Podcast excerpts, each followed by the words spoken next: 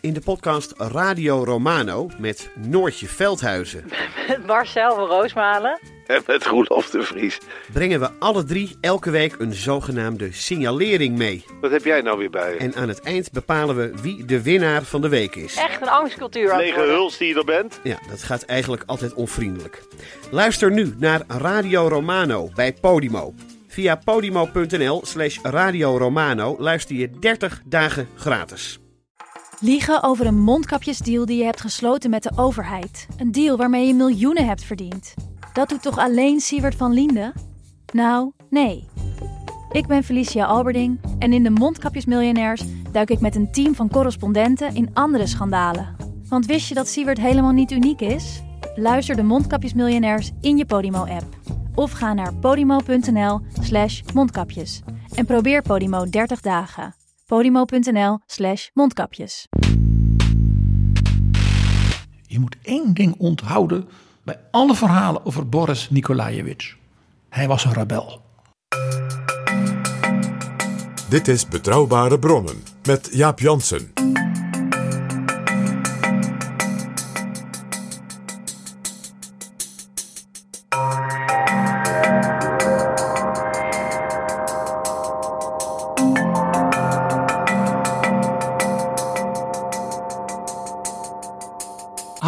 Welkom in Betrouwbare Bronnen, aflevering 197 en welkom ook PG. Dag Jaap. Voordat we beginnen wil ik eerst onze nieuwe vrienden van de show verwelkomen. Vrienden van de show zijn luisteraars die met een donatie deze podcast mede mogelijk maken. De nieuwe vrienden zijn Flip, Chris, Nicole, Pieter, Hilke, Sjoerd, Erik, Mia, Erik, Alexander, Wol en Daan. Heerlijk, al die nieuwe vrienden van de show. Wil jij ook met een donatie vriend van de show worden? En dat donatiebedrag kun je zelf bepalen. Ga dan naar vriendvandeshow.nl slash bb. En de link staat ook in de beschrijving van deze aflevering. Dit is Betrouwbare Bronnen. PG, wij gaan verder met onze serie over de ondergang van de Sovjet-Unie. Waar waren we gebleven? Ja, de laatste keer hadden wij het over de gebeurtenissen in het voorjaar, precies 30 jaar geleden, van 1991. Met de pogingen van de kleine Baltische volkeren om zich onafhankelijk te maken. Eh, Democratische republieken die ze ooit waren geweest hè, in de jaren 20 terug te krijgen na de verschrikkingen van de Stalinistische tijd. En hoe het Rode Leger, eh, eh, onder, toen nog onder Gorbachev, met geweld dat probeerde te onderdrukken. En hoe dat uiteindelijk dus niet goed ging. 1991 is een interessant jaar, want dat was ook het jaar waarin Boris Yeltsin Rusland ging leiden. En dat heeft hij gedaan tot 1999. Hij is overleden in 2007. En over hem gaan we het in deze aflevering hebben. Ja, want Boris Yeltsin is, denk ik wel eens, een beetje vergeten. Eh, Jaap, ik sprak nou hele ochtend een student. En die zei, ik weet helemaal niets van die man. Een heel politiek actieve student. Dat was een enorme trigger voor mij, ook voor deze editie. Ja, terwijl voor de iets ouderen, zoals wij, is het echt wel een iconisch figuur. Misschien eh, bij Yeltsin een raar woord, nou misschien ook weer niet.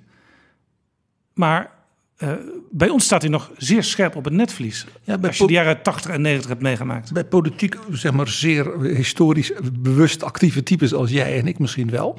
Maar ik denk dat als je kijkt naar de geschiedenis zeg maar, van Rusland, dat mensen dan de namen Stalin, Gorbachev en nu Poetin nog wel eh, ja, zeg maar, voor de geest hebben van de voorbije, van, zeg maar, de, voor de voorbije eeuw. Maar Boris Nikolaevich Yeltsin, bijna niet meer al. En dat is jammer. Want Boris Yeltsin eh, was dus niet alleen een decennium president van Rusland. Hij was ook de eerste democratisch gekozen en democratisch herkozen president van dat enorme land. En zijn leven, ook voor die tijd, ja, is eigenlijk een, een, een hoe zal ik het zeggen, een, een soort symbool. eh, Eigenlijk het verhaal van het Russische volk ook.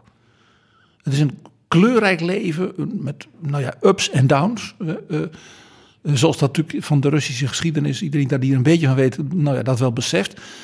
Maar hij is ook symbool, eh, mag ik zeggen, door zijn persoonlijkheid. Boris Yeltsin was heel veel, een hele bijzondere man. Een zeer, ja, vol contrasten, met prachtige eigenschappen, zelfs met heldenmoed, maar ook met hele slechte eigenschappen, met grote fouten en grote, ja, wat jij zegt ook, hè, iconische betekenis. Daarin op- was hij dus ook eigenlijk zelf wel een beetje Rusland. Hij kwam op binnen het communistische partijapparaat. Zeker, zeker, maar dat was ook niet vanzelf. Maar PG, hij is dus heel belangrijk voor de geschiedenis, zeker voor de moderne geschiedenis van Rusland. Ja, hij speelt echt een sleutelrol. En dat begint, en daarom hebben we het er dus nu ook over, in dat eerste half jaar van 1991. We hadden het er eerder over, dus hè, die neergang van Gorbachev, die ineens hè, daar in Litouwen, in Letland, ook doordat eh, de Sovjet-Unie in feite zijn cliëntenstaat in het Midden-Oosten, het Irak van Saddam Hussein, ja, moest loslaten en meedeed met president Bush ja, tegen Saddam Hussein. Ook dat was een signaal dat de Sovjet-Unie, die wereldmacht, de greep verloor op zijn, ja, zeg maar zijn omgeving, zijn vroegere bondgenoten. Eh, men had natuurlijk al de Duitse Wiedervereinigung gehad, eh, die landen in Oost-Europa die anti- hè, niet communistisch, zelfstandig, vrij werden. In Moskou, in het Kremlin, eh, was natuurlijk lang niet iedereen geweldig blij met wat hier gebeurde. Men zag dat imperium instorten. De economie van de Sovjet-Unie stortte enorm in in die periode. Grote stakingen. Ja, het was een Er supermacht. was geen eten. Het was een supermacht vanwege de militaire, vooral ook de, de nucleaire kant eh, van het land. En daaraan gekoppeld inderdaad invloed in allerlei landen en regio's in de wereld. En dat was dus aan het verdwijnen. Ook omdat dus de, zeg maar, de, ideologische appel van het communisme, de socialistische macht, eh, de gewone man, eh, de baas, niet het kapitalisme, natuurlijk verdwenen was door de ja, zeg maar, ideologische verkalking en, repressie, eh, die natuurlijk kenmerkend waren geworden voor die Sovjet-Unie. Gorbachev had natuurlijk zo'n reputatie omdat hij daar nou juist vanaf wilde met zijn glasnost en perestroika. Maar tegelijkertijd zei de gewone Rus, ja, maar er is geen eten. En er zijn stakingen en de- we kunnen ons huis niet verwarmen. En, hè, dus dat donderde allemaal in elkaar. En in dat vacuüm duikt, als het ware, de figuur Boris Yeltsin op. Ja. Boris Yeltsin was ook meer dan Gorbachev iemand die eh, oog en oor leek te hebben voor wat eh, de gewone Rus aan het doen was. En eh, de dagelijkse zorgen. Dat is een heel interessant fenomeen.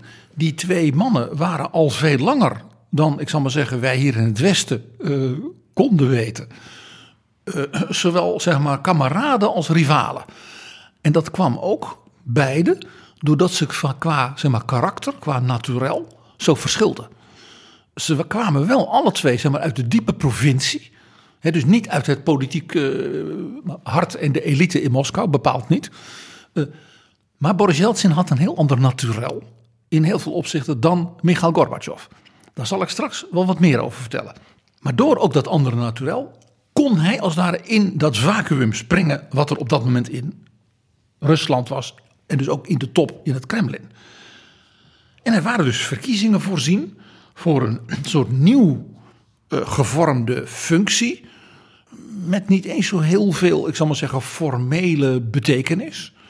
En het was het presidentschap van, ik lees voor, ja, de Russische Sovjet-Federatieve Socialistische Republiek. Dus een republiek Rusland binnen de Sovjet-Unie.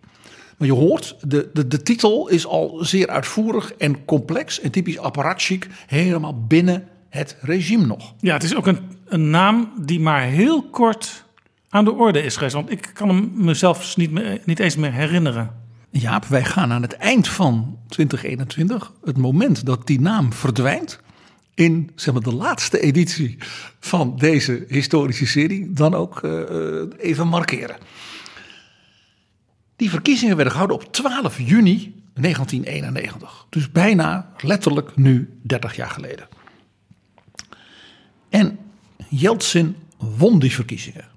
Afgetekend. Hij haalde 57% van de stemmen meteen in de eerste ronde. Ja, Yeltsin was de tegenkandidaat van de kandidaat die door Gorbachev gesteund werd. Inderdaad. De leider van de Sovjet-Unie, de secretaris-generaal van de partij, en dus in dat opzicht echt ook de opvolger, ik zeg het maar, van Stalin en van Brezhnev en dergelijke, had gezegd: Ik vind die Boris Yeltsin niet geschikt. Ik heb hem, eh, is mijn collega geweest, maar er was het nodige gebeurd. Ik vind hem niet geschikt. Ik weet een veel beter iemand en die heeft hij ook openlijk gesteund. En dat was meneer Rishkov. Ja, dat is een oud premier. En die kennen we in Nederland misschien nog omdat hij met Lubbers sprak, Ruud Lubbers, premier Ruud Lubbers, over de kruisraketten. Waar Nederland liever uh, niet aan wilde, althans een, een, groot deel van de Nederlanders en ook uh, bijvoorbeeld de Partij van de Arbeid en D66. Andere partijen twijfelden. En Lubbers had een idee, als de Russen nou laten zien dat ze gaan afbouwen, in ieder geval geen nieuwe eigen raketten gaan plaatsen, dan kunnen wij er ook van afzien. En daarover sprak hij met Rishkov. Ja, Rishkov was door Gorbachev als de minister-president naar zijn collega Lubbers als het ware uh, gestuurd. Dus er ontstond een contact tussen die twee. En uh, Rishkov was iemand die uh, bekend stond als een hele zeg maar, fatsoenlijke bestuurder. Geen uh, zeg maar, karpatenkop, om het maar zo te zeggen. ook open voor de argumenten van Lubbers. Dus Gorbachev was natuurlijk heel slim. Die dacht, die Lubbers, dat is een bepaald type modern, wat jonger soort westerse leider. Niet dichtgetikt. En Rishkov is als het ware zoiets in mijn staf. Ja, in ieder geval iemand dus waarvan Gorbachev dacht... aan daar kan ik me geen buil aan vallen. En daar krijgt Rusland een fatsoenlijke, gedegen uh, president. En waarschijnlijk ook iemand die mij niet als rivaal naar de, de loef zal afsteken. Maar helaas, de stemmen bleven steken op 16% en Yeltsin had meteen een meerderheid met 57 procent. En daarmee was dus die overwinning van Yeltsin niet alleen een overwinning in de zin van dat het Russische volk hem in duidelijke meerderheid ook wilde, maar het was natuurlijk ook een, een ja, politiek, moreel failliet voor Gorbachev als de grote leider. Als jij een kandidaat naar voren schuift en zo openlijk tegen die ander en die kandidaat van jou haalt 16 procent, ja, dat is natuurlijk een afgang dat maakte dus meteen dat die verkiezing tot president van die Russische. Ik moet hem opzoeken weer, Jaap. Russische Sovjet-Federatieve Socialistische Republiek. Meteen dus een signaal was van. En nu begint een strijd om de macht in het Kremlin. Wie is de baas? Is dat Gorbachev of is dat Yeltsin? Ja. Yeltsin heeft die, dat mandaat van die kiezers en Gorbachev heeft in feite zijn kaarten vergooid. Door niet afstandelijk te zijn van ik hoor wat, het, wel wat de kiezer wil en dat zal ik respecteren. Nee, hij dook in die campagne en ging de mist in. In zekere zin zag je dus dat Gorbachev slachtoffer werd van zijn eigen glasnost, openheid en perestroika, reconstructie. Want dit was een van de eerste grote democratische verkiezingen in Rusland. En de uiting van de kiezer zo duidelijk was dat ze een vingerwijzing gaven van willen wij als Russen dat een soort geleidelijke ombouw van het socialistische communistische systeem komt, stap voor stap, zoals Gorbachev wil met zijn perestroika, of willen wij een vrij democratische Russische natie? Dus Gorbachev had als het ware de Russen uitgenodigd een antwoord te geven. En het antwoord was ondubbelzinnig geweest. En dat antwoord is belichaamd in Boris Yeltsin. En daarom dat ik zeg Boris Yeltsin is in deze periode en daarmee in de geschiedenis van Rusland en van Europa een hele bijzondere man. Ja, voor ons in West-Europa stond Yeltsin er ineens. Maar wie was Boris Yeltsin? Ja, Boris Yeltsin is de belichaming van de geschiedenis van het Russische volk in de 20e eeuw. Korter kan ik het niet zeggen. Als ik je nou vertel, hij werd geboren uh, in 1931 in een boerendorpje in de provincie, de oblast van Sverdlovsk.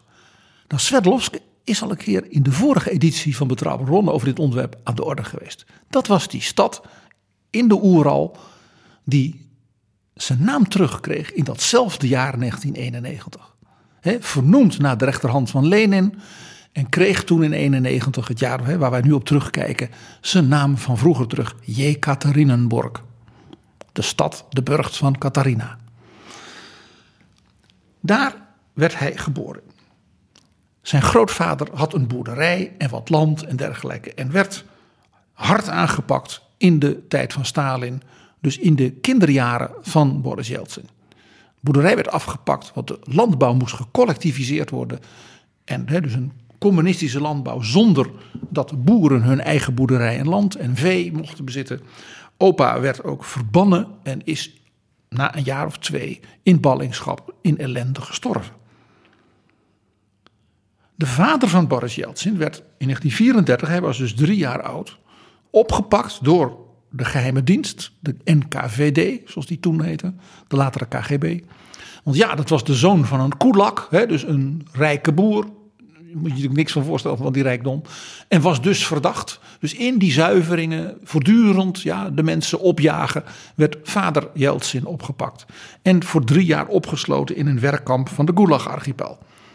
Dat heeft hij overleefd en is teruggekomen uiteindelijk naar zijn gezin. Maar moeder Jeltsin moest toen ja, met allerlei ja, klusjes proberen nog voor eten te zorgen voor haar kinderen.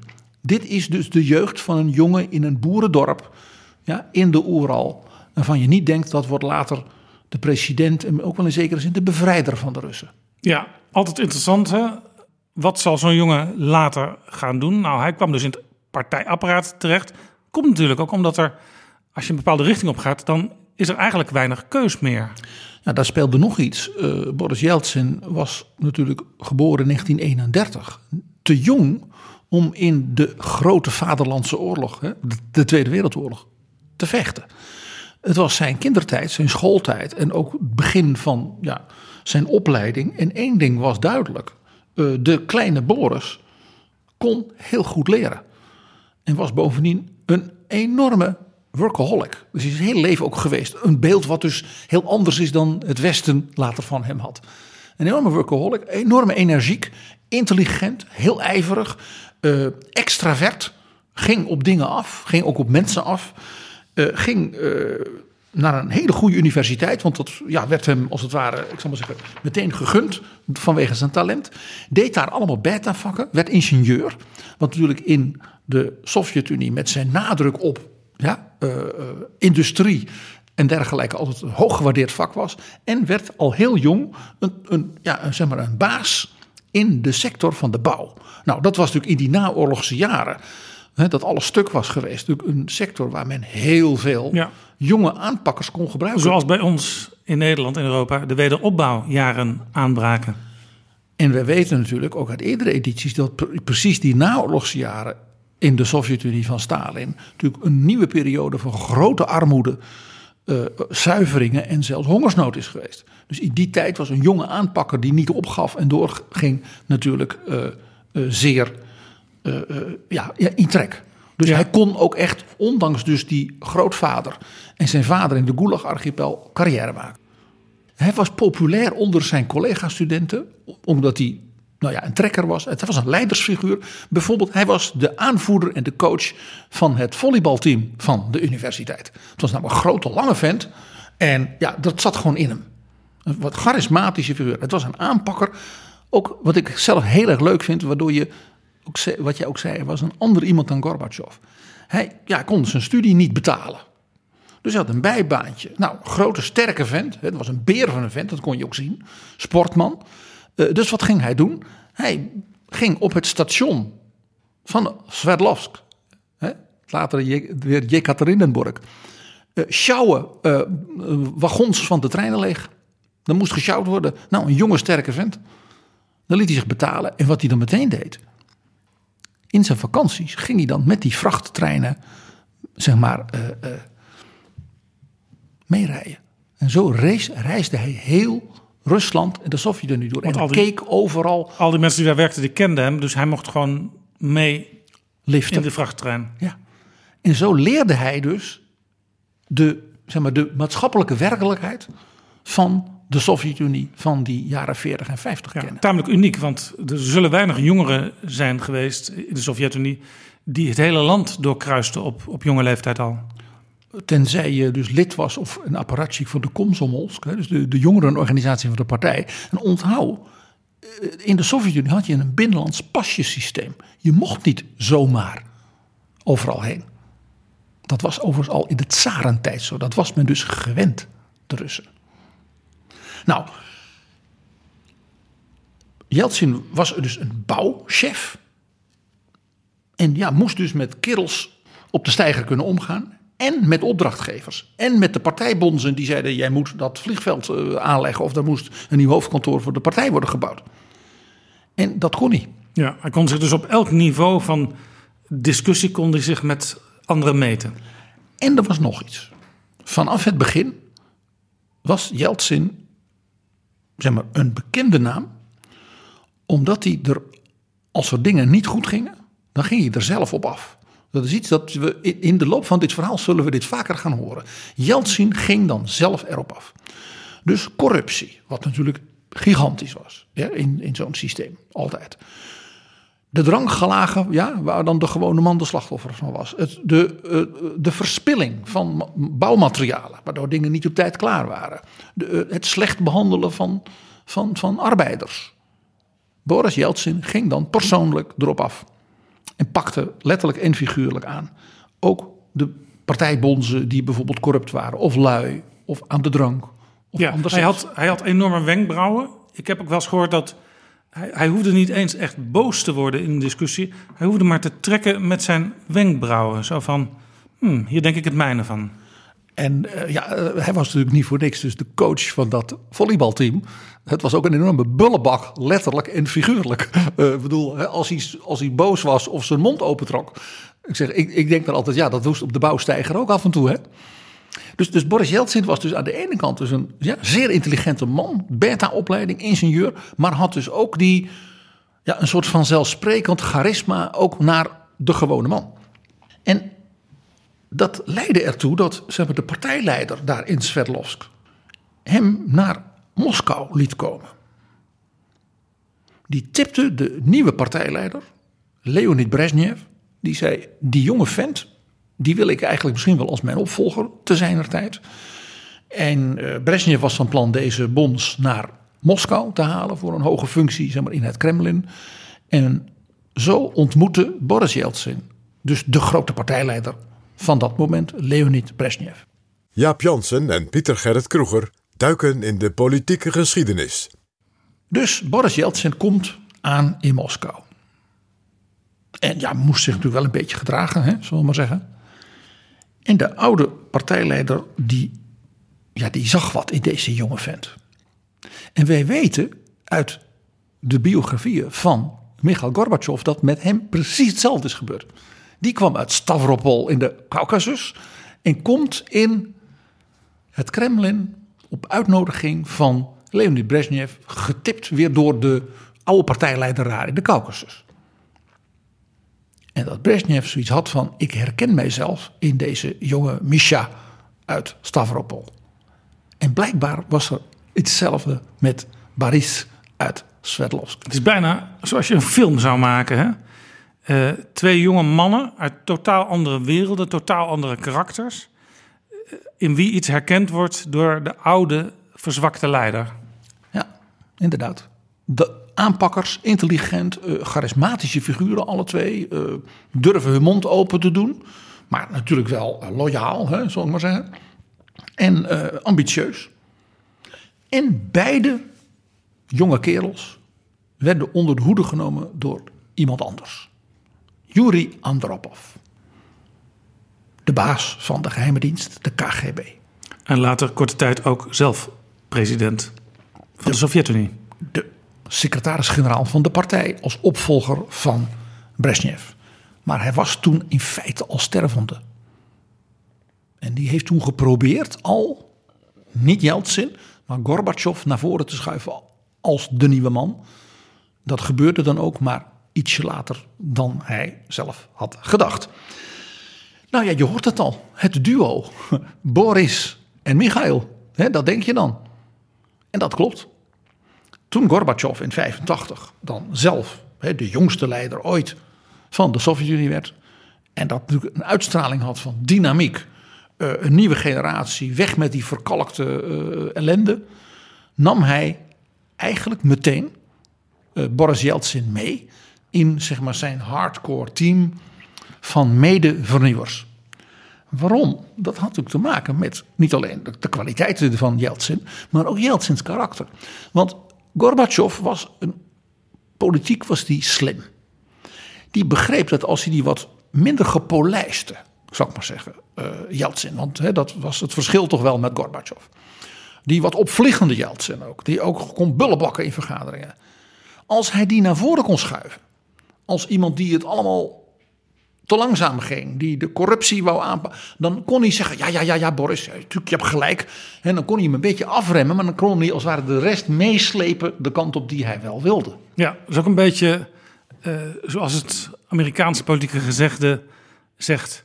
You better have them from the inside pissing out than from the outside pissing in. Dat zal in dit hele verhaal heel duidelijk blijken, ja, inderdaad. Uh, Gorbachev had dus met Boris Yeltsin zeg maar een beetje de stoomwals van de perestroika in huis gehaald. Dat was het idee. Dus hij maakt hem chef van het toezicht op alle bouwprojecten vanuit het Kremlin in de hele Sovjet-Unie. Corruptie, verspilling, drankzucht, uh, dingen nooit klaar, dingen storten in zodra ze klaar zijn. Iemand moest dat eens aanpakken. En dat werd Boris Yeltsin. Heel snel daarna gaf hij hem een promotie en hij werd de, zeg maar, de chef van de communistische partij, dus van het apparaat van de stad en provincie Moskou. Nou, ik denk niet dat ik hoef uit te leggen dat dat een hele belangrijke sleutelfunctie was natuurlijk in de Sovjet-Unie. Dan was je natuurlijk de plaatselijke heerser van en namens de partijleider. En daar gebeurde iets met uh, Boris Yeltsin. Want Gorbachev dacht, nou deze promotie, daar kan hij zijn tanden in zetten. En dan is hij mee loyaal en dankbaar. En dan zal hij doen wat ik wil. Ja, en Gorbachev dacht natuurlijk ook nog soms wel eens... als hij echt fouten maakt, dan kan ik hem er altijd uitgooien. Dan kan ik hem nog weer een andere baan geven, natuurlijk. Uh, verdeel en heers en dergelijke. Yeltsin komt dus uit de provincie toch echt. En dringt dus door aan de top van het apparaat van Moskou en daarmee toch eigenlijk ook van de Sovjet-Unie als geheel. En wat hij natuurlijk zeg maar, op de bouwsteiger en daar in Sverdlovsk al had ontdekt. Hè, en ook in die vrachttreinen waar hij als jongen rondreed. Was hoe volkomen verrot dat systeem was. De corruptie, uh, de armoede, de verspilling. En dat in die miljoenenstad Moskou, waar hij dan nu verantwoordelijk voor was. En ja, hij ging dus doen wat hij dus blijkbaar eigenlijk altijd al had gedaan. Er zelf op af. Dat vond Gorbachev niet helemaal de bedoeling. Want de gewone man op straat in Moskou zag voortdurend Boris Yeltsin optreden. Soms ook ja, met de politie. In, nou ja, hij was zichtbaar. Ja, hij had... En als aanpakker, als man die als het ware de gewone man tot zijn recht wilde laten komen, die de corruptie bestreed. Dat was natuurlijk allemaal prachtig in het kader van glasnost en perestroika. Maar het straalde vooral wel ook heel erg natuurlijk op voor de gewone mensen in Moskou op Boris Yeltsin af. Veel minder op Mikhail Gorbachev, die toch verder weg was. Die was met Reagan aan het onderhandelen. Dat was een ster op het wereldtoneel. De gewone man in Moskou zei: Maar hier zijn de winkels leeg. Ja, zij zagen hem dus ook, dat was interessant, als een soort ombudsman. Dus iemand bij wie je klachten kon neerleggen en waarvan je wist, nou ja, die gaat aan de bel trekken. Sterker nog, hij was de baas in Moskou, dus hij kon het ook regelen als het echt moest. En hij was dus iemand die dan ook wist wat hij moest doen. Want ja, je kunt bij iemand aan de bel trekken als hij zegt, nou, dient u maar een formulier in. Ja, dan ben je nog niet veel verder. Maar Boris Yeltsin was dus ongebruikelijk. In de zin van dat hij in zekere zin geen apparatchik was als baas van de apparatchiks. Dat dit dus een ja, recept was voor permanente conflicten. Geroddel tegen hem. Dat hij een dronk, dronkenlap was. Dat hij dit, dat. Alle slechte verhalen over Boris Yeltsin, die natuurlijk door de, ook later door de wereldpers gingen. Die kwamen natuurlijk mede hierdoor. Die kwamen uit dat apparaat. Ja, naijver. Zeker ook. Daarbij kwam ook dat hij was natuurlijk ook een bullebak. uh, hij vond ook in vergaderingen van het politbureau en zo dat Gorbachev ja, wel een een bedweter was en nogal straalde van kijk mij is, uh, ik ben een wereldster en ik heb gelijk. Hij was natuurlijk toch ja, de baas van de communistische partij. En Gorbachev was natuurlijk zeer overtuigd van het feit dat hij ook ideologisch, hè, als, we hebben het er eerder over gehad, als de ware opvolger van Vladimir Lenin, uh, dat hij het voor het zeggen had. En dat hij gelijk had. En Boris Yeltsin die had zoiets van, ja dat klinkt mooi, maar uh, er moet gewerkt worden. Want dit gaat helemaal niet goed. En die perestroika, dat klinkt mooi. Je houdt prachtige toespraken en je krijgt applaus. En je krijgt de Nobelprijs. Maar de winkels zijn leeg en de mensen hebben, hebben honger. Dus die spanning en ook dus eh, ja, het gevoel van, van, van, van eh, teleurstelling, denk ik ook van Yeltsin in Gorbachevs daadkracht. Want dat was het toch wel. Ja, heel interessant. Uh, leidde dus tot gedoe. Zij, zij waren dus allebei communisten. En ze vonden dat ook nog steeds in theorie een heel goed systeem. Ze vonden ook allebei dat er heel veel moest veranderen. Maar ze werden het steeds meer oneens over de wijze waarop die veranderingen moesten plaatsvinden en hoe snel dat moest gaan. Het kon uh, niet snel genoeg. En het, eh, laat ik zeggen wat ik al vertelde, de roddels, de verhalen. Uh, er werd dus voortdurend geprobeerd hem af te remmen. Er waren ook intriges in het politbureau tegen hem. En er werd gefluisterd. Ja, want heel interessant, het omveld, de, de mensen er direct omheen... dat waren vaak nog hele traditionele ouderwetse apparatchiks... voor wie het sowieso te snel ging. Maar die waren natuurlijk voorbije 40, 50 jaar uh, onder Stalin... en daarna onder uh, Brezhnev natuurlijk omhoog gekomen. En die zagen natuurlijk en die hadden allerlei privileges. Dus de pijn van de gewone man en vrouw, die, die hadden zij niet. Uh, nee, die moesten dankbaar zijn voor alles wat zij deden. En zij zagen ook om zich heen dat Gorbachev wel mooie verhalen hield. Maar ja, wat ik al zei, uh, het communistisch wereldimperium stortte in. De economie stortte in. Uh, laat ik zeggen, de, de omkoopsommen van het oliegeld van Irak, die van Saddam Hussein waren weg. En dat viel niet mee. Dus het waren heel veel spanningen rondom zowel dus de persoon van Gorbachev en zijn positie als de persoon in de positie van Boris Yeltsin. En toen in 1987 uh, was er een sensationeel moment in de loopbaan van Yeltsin en eigenlijk ook wel in de geschiedenis van de Sovjet-Unie. En het Yeltsin Museum, jawel Jaap, dat bestaat in Jekaterinenburg. Dat heeft een zaal aan het begin en die gaat over dat moment. Dat was een vergadering van het politbureau. En Boris Yeltsin heeft toen het woord gevraagd. Die heeft een toespraak gehouden van een uur. En heeft dat hele politbureau, zeg maar gewoon, de huid volgescholden. Die heeft gezegd: Wat ik meemaak in Moskou. Wat ik weet ja, uit Sverdlovsk. Wat ik weet van de burgers. U bent lui, u bent corrupt. U, nou heeft ze dus de huid volgescholden. En gezegd: Prachtige woorden, glasnost, perestroika. Maar we maken het niet waar. We verraden het volk, want die term gebruikte hij dus toen al. En toen heeft hij aan het eind van zijn toespraak gezegd: Ik heb er dus gewoon genoeg van. Ik stap op als lid van het politbureau. He? Hij stapte op. Terwijl als je iets wil in de Sovjet-Unie, dan moet je erbij blijven, want anders gebeurt er sowieso niet wat jij wil. Dan uh, ga je de gevangenis in. Of zoiets. In, die, in de tijd staan. Het politbureau was het ultimum. En hij zei: Ik ga hier weg. Ik vind dit een, een, een, verzameling knoeiers. En uh, ja, wij, wij maken het niet waar voor de gewone man. Ja, nou, jij noemde net dat Yeltsin Museum in Jekaterinenburg. Dat heeft een directeur die heet Victor Rietwin.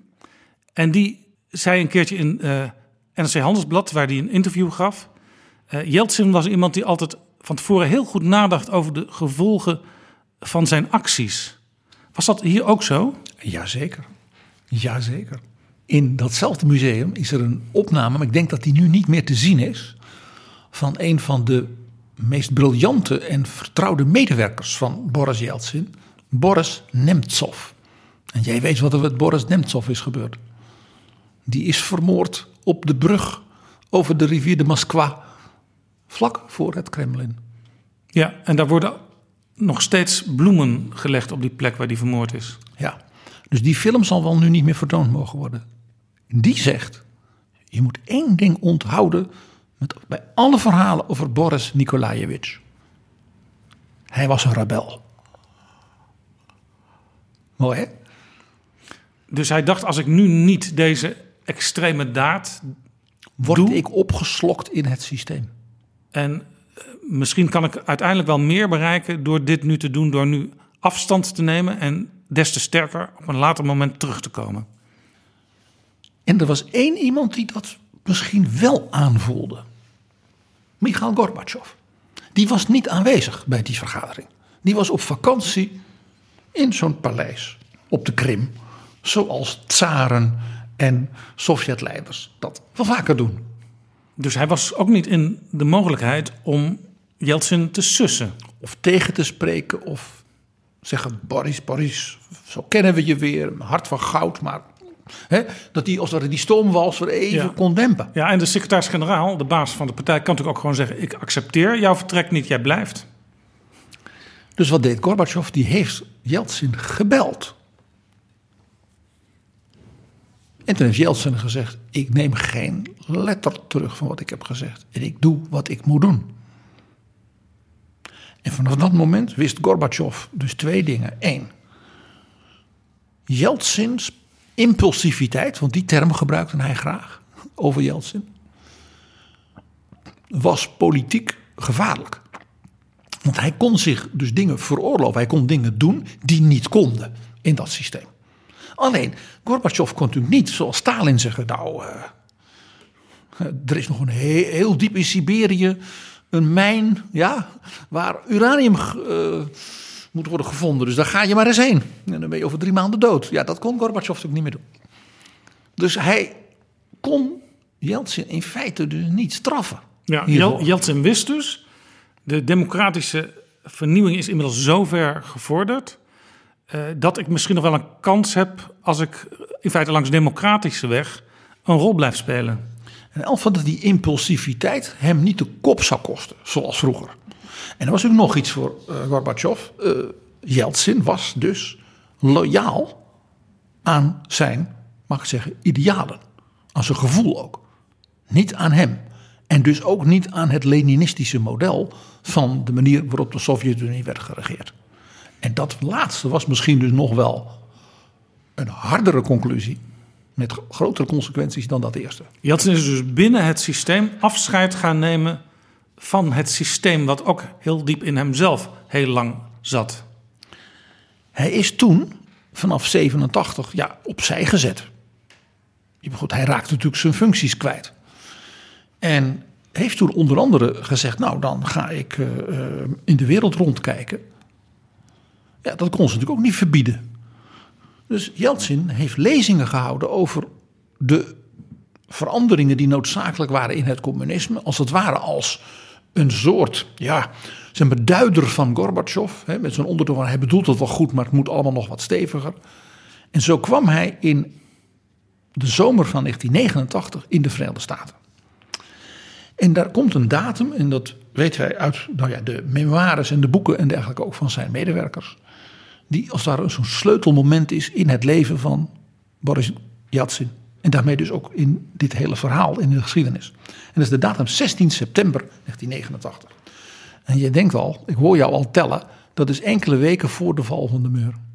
Ja, Het is opmerkelijk hoe dus die momenten waar wij het eh, in Betrouwbare Bronnen nu al meerdere keren, zelfs meerdere seizoenen over hebben gehad, hoe die dus op elkaar zitten. En Yeltsin was toen ook in, in dit geval de Verenigde Staten, waar hij op bezoek was, al een bekende figuur. Ja, hij hield dus lezingen in Amerika. En ook daar gingen natuurlijk weer verhalen dat hij ontzettend dronk. En de, de roddels achtervolgden hem ook daar.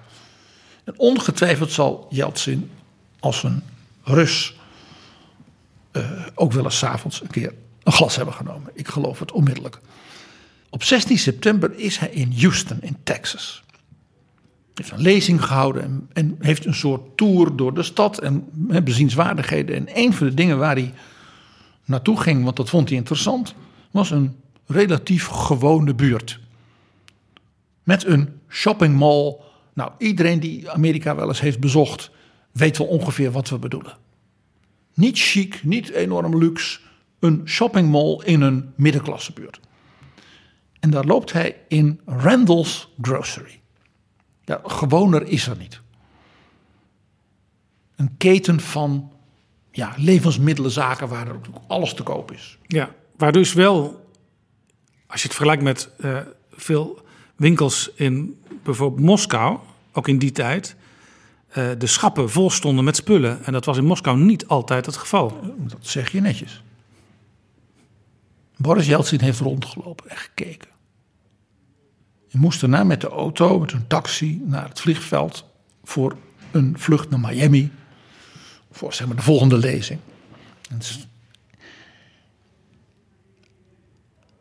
En hij is urenlang stil geweest tegen zijn medewerkers.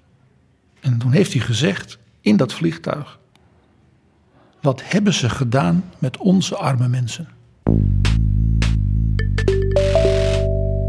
Dit is Betrouwbare Bronnen, een podcast met betrouwbare bronnen.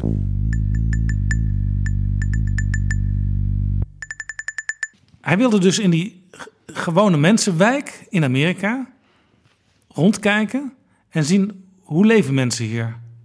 En was dus geschokt. Dit is dus de gewone middenklasse Amerikaan. En die, die heeft natuurlijk ook zijn problemen, maar wat hebben die mensen het goed in materiële zin? Wat, die, die winkel, ja? die mall, Randall's Grocery. En elke arbeider die kan hier gewoon ja, voldoende spullen kopen elke dag. Ja, en hij kan naar Walmart als het niet zo heel duur is. En hij kan wel 17 verschillende soorten uh, uh, bronwater krijgen. En uh, alle mogelijke kwaliteiten, blueberry. Hè? En, en, en. Keuze. ieder kan zijn eigen smaak. Je kunt country music kleding krijgen. Je kan disco kleding krijgen. Je kan alles krijgen ja. wat je wil. Terwijl in zijn eigen land van veel producten soms zelfs niet één merk te krijgen was. Niets. We hebben het eerder verteld, Jaap, in een eerdere editie. Dat Gorbachev moest smeken bij Helmut Kool en Jacques Delors om de koelhuizen van Europa met boter en met worsten leeg te halen, zodat er tenminste iets te eten was die winter in Rusland. En dat was het Rusland van alle dagen waar dus Boris Yeltsin ook als de partijchef van Moskou dus mee te maken had. Yeltsin was onder de indruk en Yeltsin was ook bedroefd. Ja, heel bijzonder is dat toen hij heeft hier dus, dit heeft hem dus heel erg emotioneel geraakt. Je merkte dus dat Yeltsin ook een, hè, een echt een Rus was met een diepe ziel, hè, zoals we dat uit de, de letterkunde en de muziek kennen. Toen hij terugkwam in Moskou, zei hij tegen een van zijn uh, reisgenoten. Ik lees het letterlijk voor, Jaap, wat hij uit het boek van die man. Ik voelde in Houston vooral pijn. Pijn voor ons allemaal, voor ons land. Dat zo rijk is, zo vol van talent. En dat zo kapot is door de eindeloze experimenten hier. Ik denk dat, we, dat wij een misdaad hebben begaan tegen ons volk. door hun levensstandaard zo ongelooflijk veel minder te laten zijn dan die van Amerikanen. Dus die experimenten, dus dat bedoelt natuurlijk het communisme, Stalin, uh, dat je dus met, met mensenlevens speelt. Want dat is natuurlijk ook repressie. He, en ik dacht toen ik dit las ook, hij dacht natuurlijk ook aan zijn opa, die die boerderij gewoon werd afgepakt en na twee jaar in ballingschap dood was. Omdat de landbouw moest gecollectiviseerd worden als experiment. Met als effect dat dus de Russen sindsdien hongersnood na hongersnood hadden. Dus die pijn, dat, ik, ik las dit toen, dan dat ik het ook voorlees. Die pijn voor ons allemaal, voor ons land dat zo rijk is. Ik dacht, ja, dit is ook de kleine Boris daar in die oblast Sverdlovsk in de jaren dertig. En dus ook, ook heel Russisch weer, ons land dat zo rijk is, zo vol van talent. Die trots, hè, Yeltsin was eigenlijk altijd al een opvallend Russische nationalist. Hij was een trotse Rus. Veel meer dan een Sovjetburger, hè, die dus vooral niet nationaal dacht. Het gevoel van die ongelooflijke rijke cultuur van Rusland. Ja. Wat ook zo is. Het is een, een land met een, ja, in muziek, in dans, in schilderkunst, in vul maar in architectuur. Ja? Eeuwen, eeuwen, eeuwen vol rijkdom. En dat je denkt, we hebben het zo vanuit de politiek, van bovenaf, met dictators, met gruwelijk geweld, allemaal kapot gemaakt. Wij citeren natuurlijk wel eens François Mitterrand, die heeft gezegd: nationalisme, c'est la guerre. Maar dit is een, eigenlijk een, voorbeeld van uh, nationalisme op een positieve manier, namelijk uh, patriotisme, hoe je over je land denkt en wat je land kan en zou kunnen. Ja, het, bij, bij, bij Yeltsin, in die pijn hoor je dus ook zijn liefde voor de gewone Rus. En ook zijn liefde voor dus die Russische cultuur, het Russische verleden.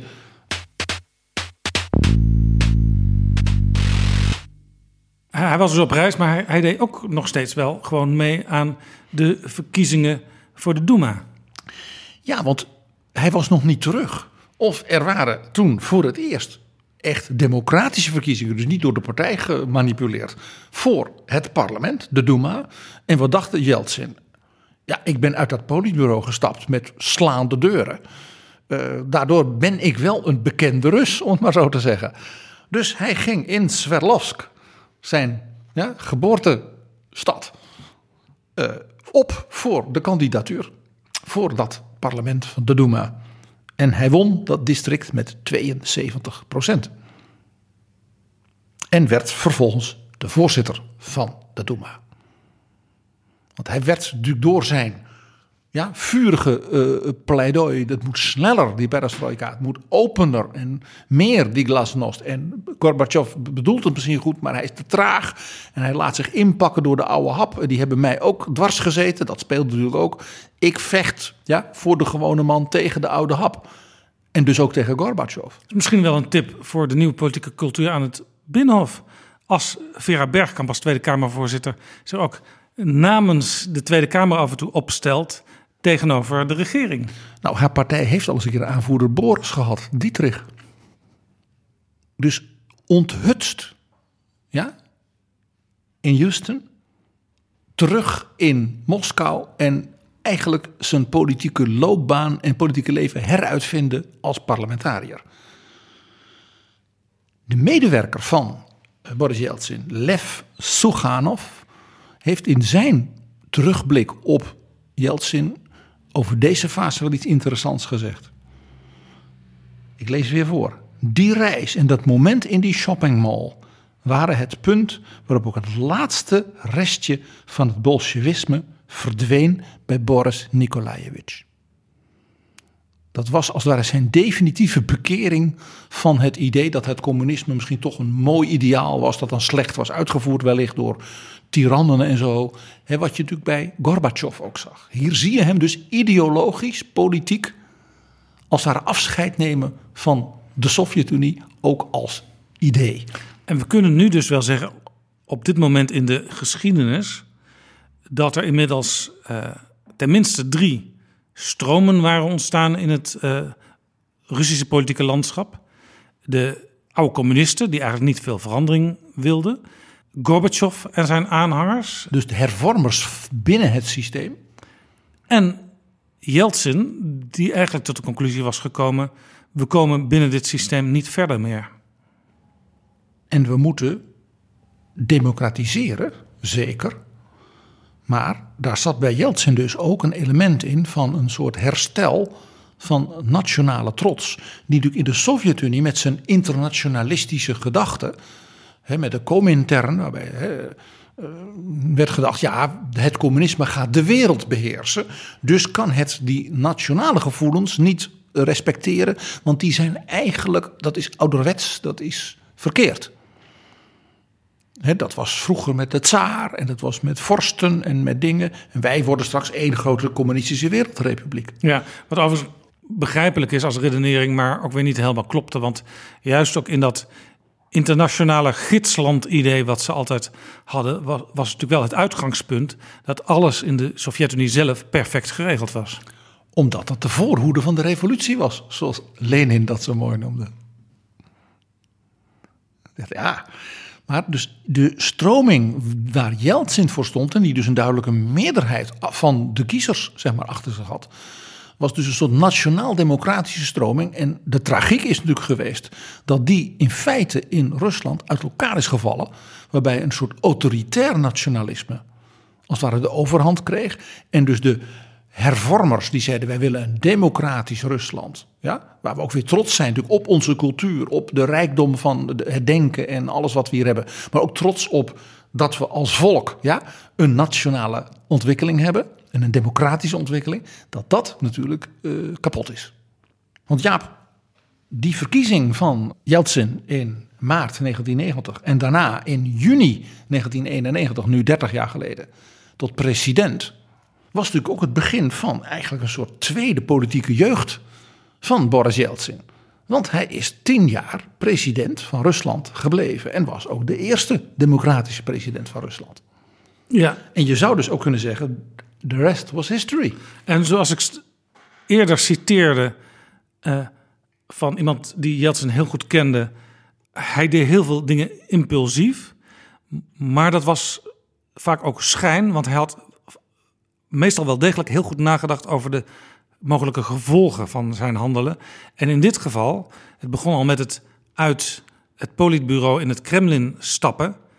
En het eindigt op een bepaald moment dat hij president wordt. Als staatshoofd van een nieuwe democratische republiek Rusland. En daar zat maar vier jaar tussen. Dus in zekere zin kun je hem ook enige genialiteit wel uh, toedichten. En dus ook ongelofelijke moed politiek. En ook wel een bijna ja, soort profetisch voorgevoel van de tijd is daar rijp voor.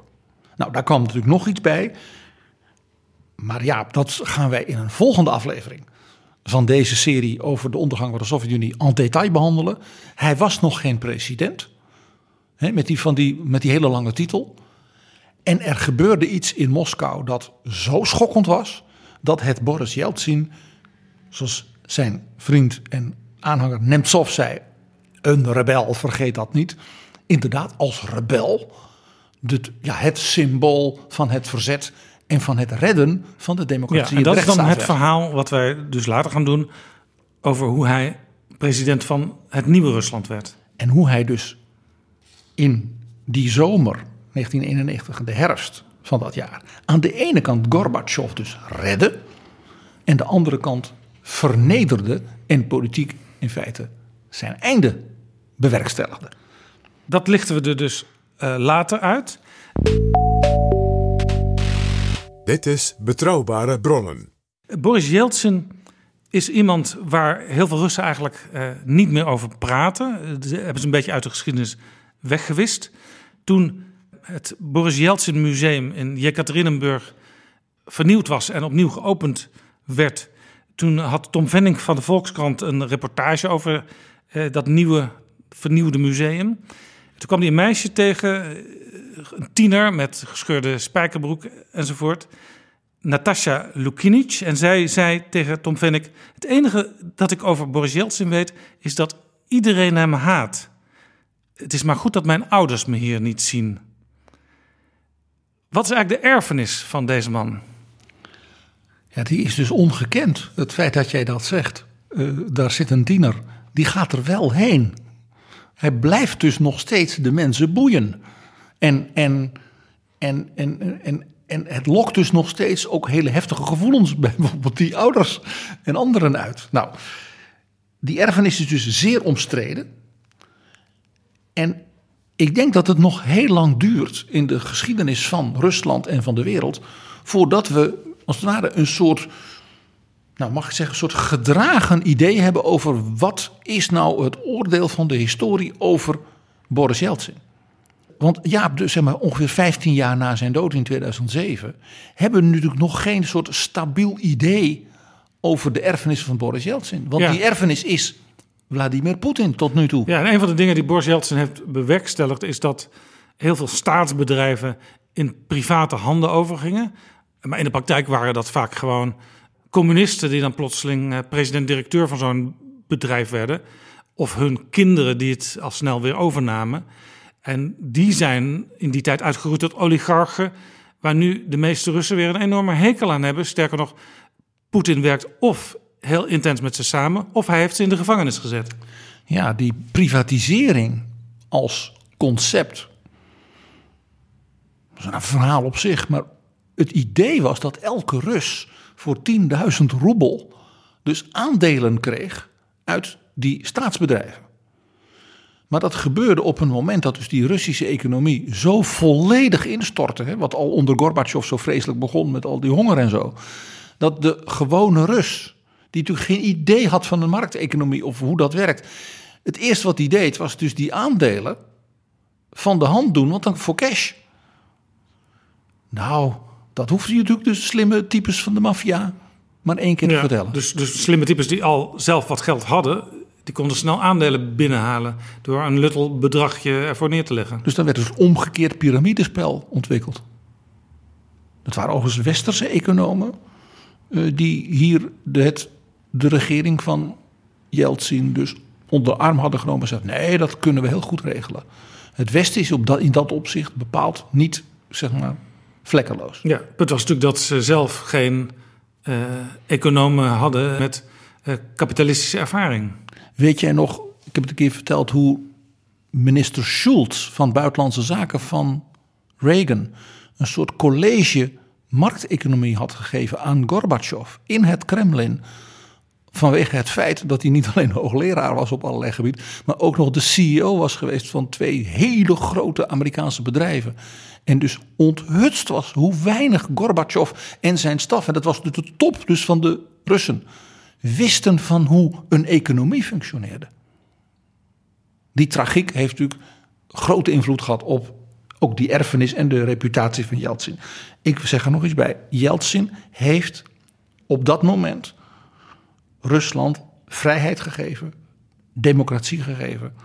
Eh, wat een heel belangrijk ding is, zeker als historicus, hij heeft de archieven open laten gaan. En ook alle gruwelen die daaruit naar voren kwamen. Natuurlijk ook die hè, met zijn eigen familiegeschiedenis niet verstopt, maar dat openlijk toegegeven. Dus ook de slachtoffers van de Gulag-archipel hadden een soort slachtoffersvereniging. Die is daarna onder Poetin natuurlijk zwaar eh, ja, tegen de wand gedrukt. Maar Yeltsin was degene die dus dat leed.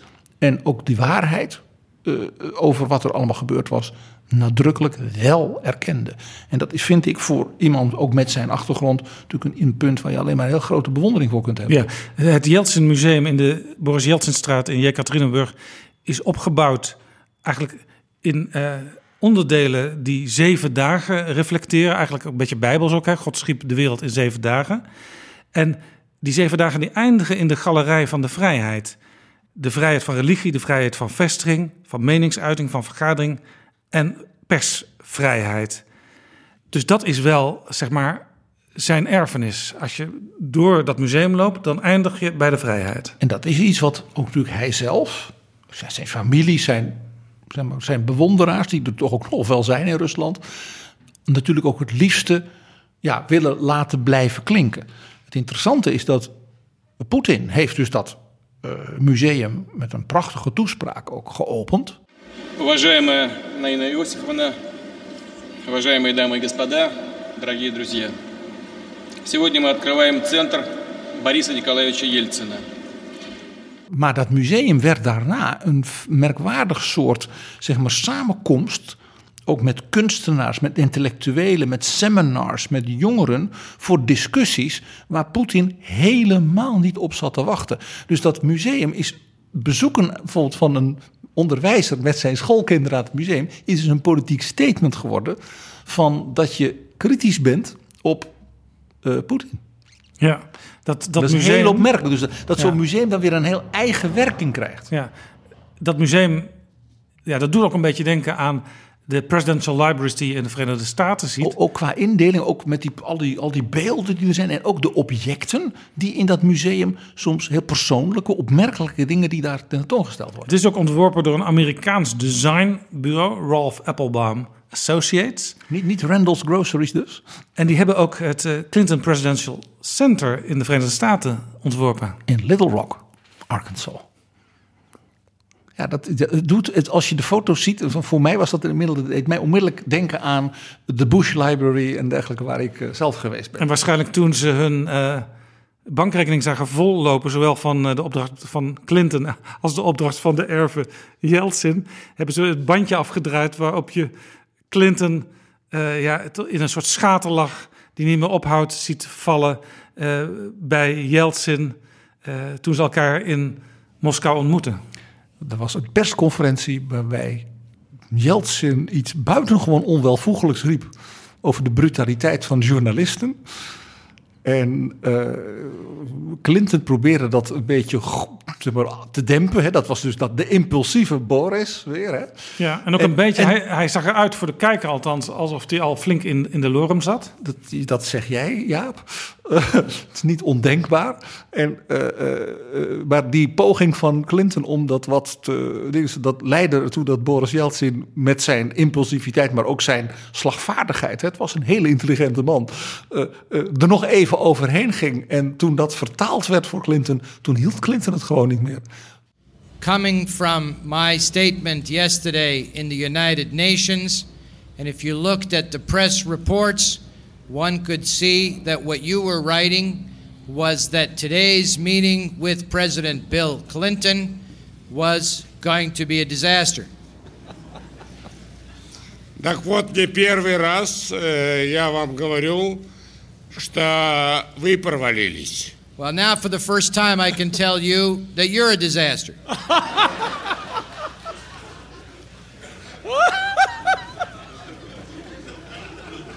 Be sure you get the right attribution there. Я надеюсь, что вы правильно все это поняли.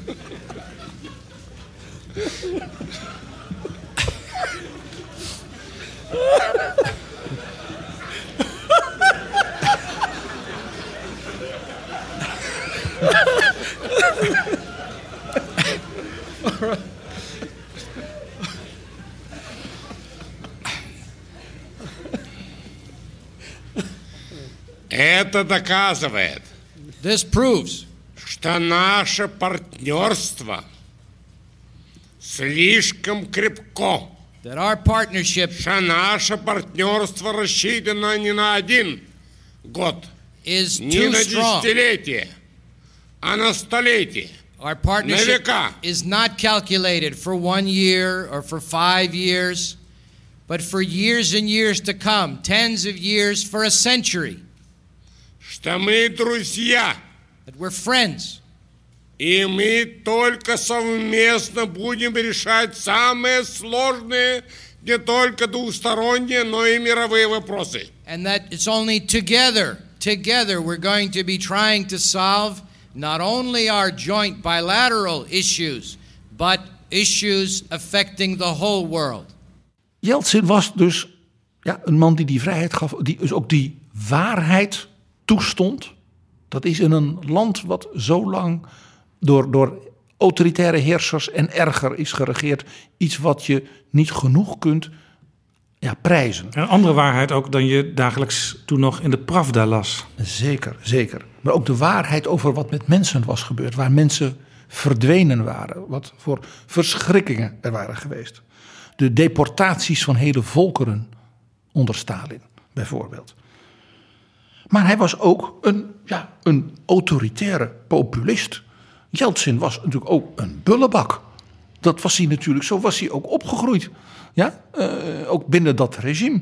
Dat had hem natuurlijk ook een beetje die menselijke kant gegeven van ik ga er zelf op af.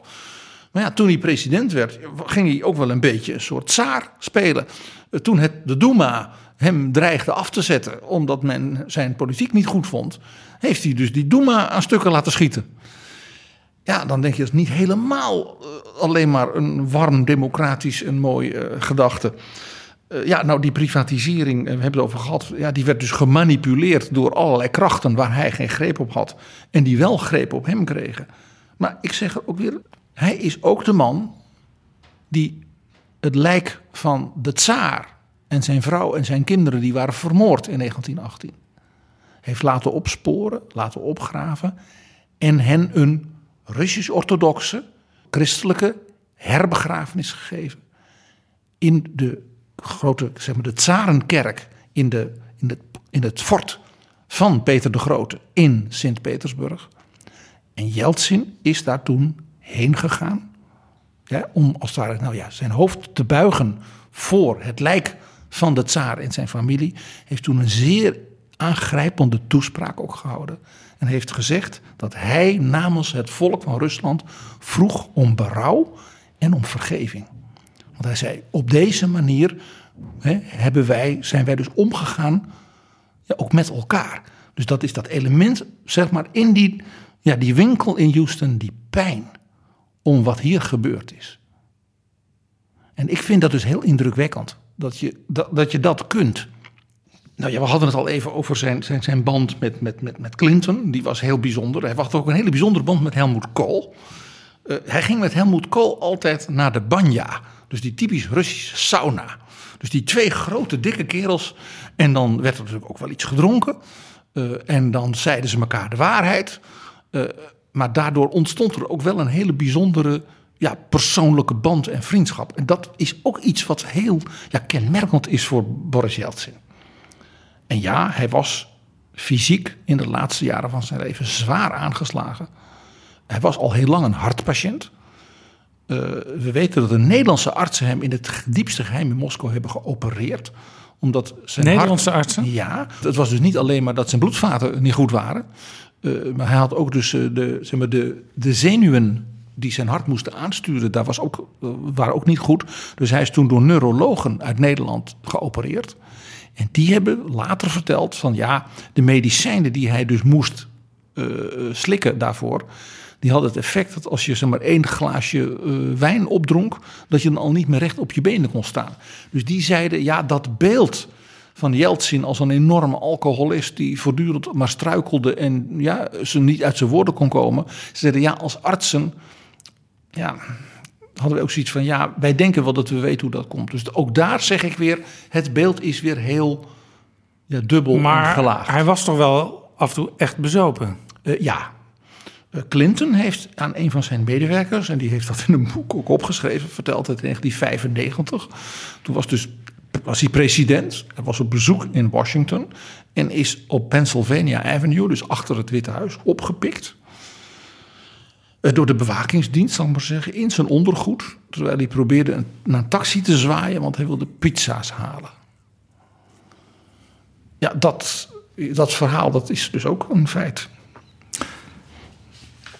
Vladimir Poetin, nu de president van Rusland alweer heel lang, die was medewerker van Yeltsin toen die president was. Ja, uh, Yeltsin heeft Poetin He, die dus een hoog ambtenaar was van de gemeente Sint-Petersburg, naar het Kremlin gehaald.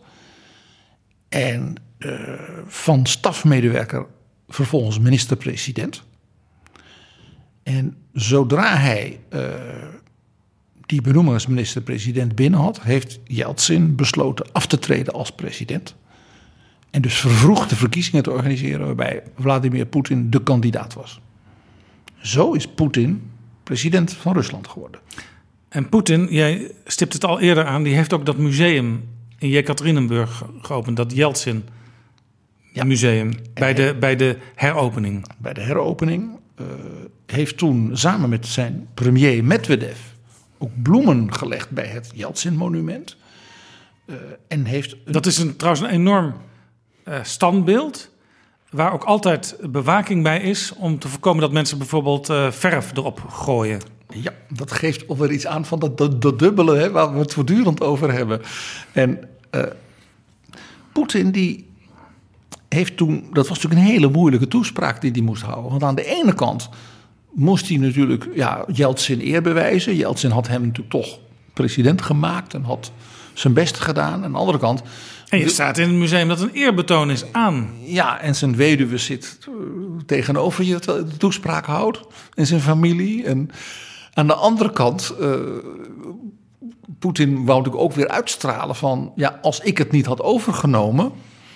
Hè, want zo was het natuurlijk ook wel weer. Dan zeker in, de met idee van... van in Travijn. Dat was natuurlijk ook wel een beetje het idee bij Poetin. Zal ik een stukje voorlezen wat hij in die speech zei, Jaap? Boris Yeltsin begreep heel diep de dramatische, radicale veranderingen die toen ontstonden.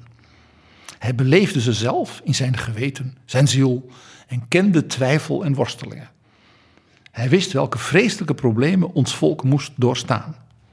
Dat was het moment dat hij besloot op te stappen en, zoals wij ons herinneren, het volk van Rusland met eerlijke woorden toesprak, met een echte bekentenis. Daarin zien we zijn kracht zijn eerlijkheid en zijn openheid. Wat hij dus zegt is: Jeltsin was volledig mislukt en wist dat zelf. En ik moest het overnemen om de zaak te redden. Ja, hij kon dus eigenlijk uh, met enig goed fatsoen weg, omdat hij wist: ik zou het allemaal weer goed maken. En dat geeft mij, Vladimir Poetin, een soort mandaat om, in feite dus helemaal niet als democratische uh, heerser, maar wel als Russisch nationalist en hè, het weer op te bouwen en weer wraak te nemen hè, op al die mensen die ons die status van superpower hebben afgepakt. Want dat zit er natuurlijk onder. Uh, Michael McFall was de ambassadeur van de Verenigde Staten in Moskou in die tijd. Die heeft prachtige boeken over Rusland geschreven. En die heeft een echt heel knappe, ja, voor zichzelf als het ware opgeschreven van wat is het nou, die Yeltsin? dus dat, die, die heel veel verschillende aspecten die wij nu ook bespreken. En hij zegt daarover het volgende: Yeltsin certainly deserves credit for monumental achievements. On his watch, the Communist Party of the Soviet Union was destroyed. The largest empire on earth was peacefully dismantled. And electoral democracy was introduced into a country with a thousand year history of autocratic rule. As the emblematic figure and force during the tumultuous last decade of the 20th century in Russia, Yeltsin invites and eludes a ringing assessment. Dus je wil zowel een krachtig oordeel over hem geven, als hij ontsnapt aan een krachtig oordeel. Heel mooi. Was he a heroic revolutionary or an erratic reformer? Was he a daring economic reformer or a blundering tool of the oligarchs? Does he emerge as a larger than life leader who rose through unprecedented challenges or as a figure overwhelmed by the enormity of change? En dan zegt hij het antwoord, het zal u niet verbazen. Yeltsin was dit allemaal. En dit is PG een mooie afsluiting van deze aflevering over Boris Yeltsin. Jij wil nog eventjes terugkeren naar dat Boris Yeltsin Museum. Ja, naar twee vitrines daarin, Jaap. Die zo symbolisch zijn voor ook wat McFall hier net over Yeltsin zegt. Er is een vitrine, daar kun je dus inlopen, een winkel uit het Jekaterinenburg van het eind van de jaren tachtig. En die is daar gewoon neergezet. Zo zag een winkel er toen uit. Er was dus niets te koop, behalve blikjes hier en daar. En armoe en leegte. Zodat iedere Rus die nu op bezoek komt in dat museum, als het ware ja, letterlijk voor zich ziet: dit was het leven toen. En er is een vitrine met poppen van de televisie. Want ook de Moskouse televisie had in de tijd van Yeltsin, hè, vrijheid moet kunnen, een soort spitting image. Spitting image. Met dus bespotting van politici en leiders, inclusief Boris Yeltsin zelf.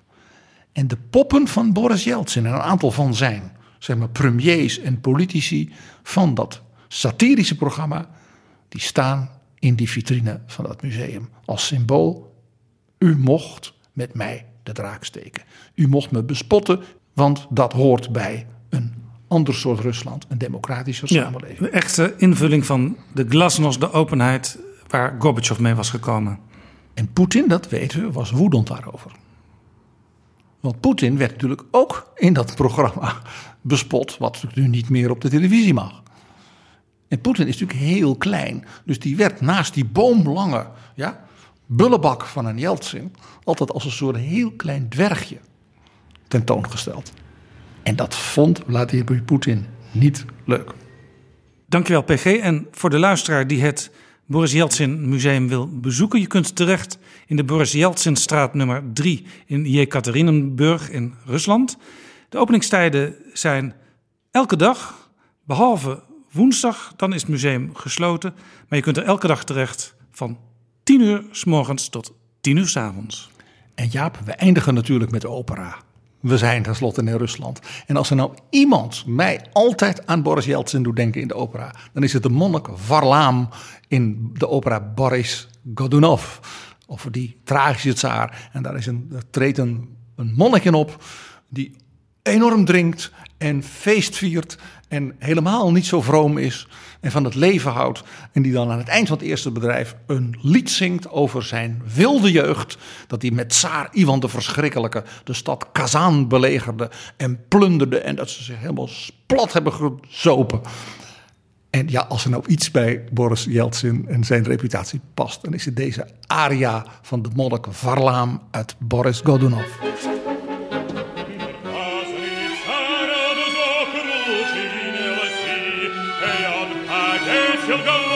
la tua e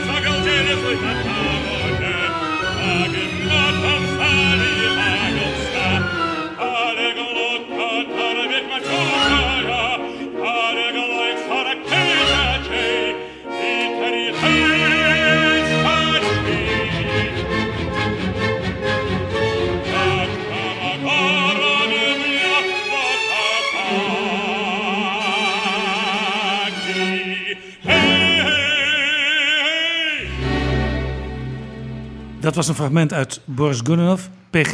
We hoorden Yevgeny Nikitin in de opera van Parijs. Nogmaals dank en laten we hierop klinken.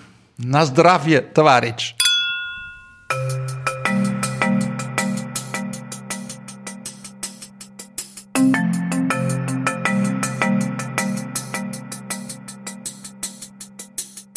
Zo, dit was Betrouwbare Bronnen aflevering 197. In de beschrijving staan links naar nog meer wetenswaardigheden over Boris Yeltsin en naar eerdere afleveringen over het einde van de Sovjet-Unie. Deze aflevering is mede mogelijk gemaakt door de vrienden van de show die ons met een donatie steunen. Jij kunt ook vriend worden. Ga daarvoor naar vriendvandeshow.nl/slash bb. Tot volgende keer. Betrouwbare bronnen wordt gemaakt door Jaap Jansen in samenwerking met dag en nacht.nl.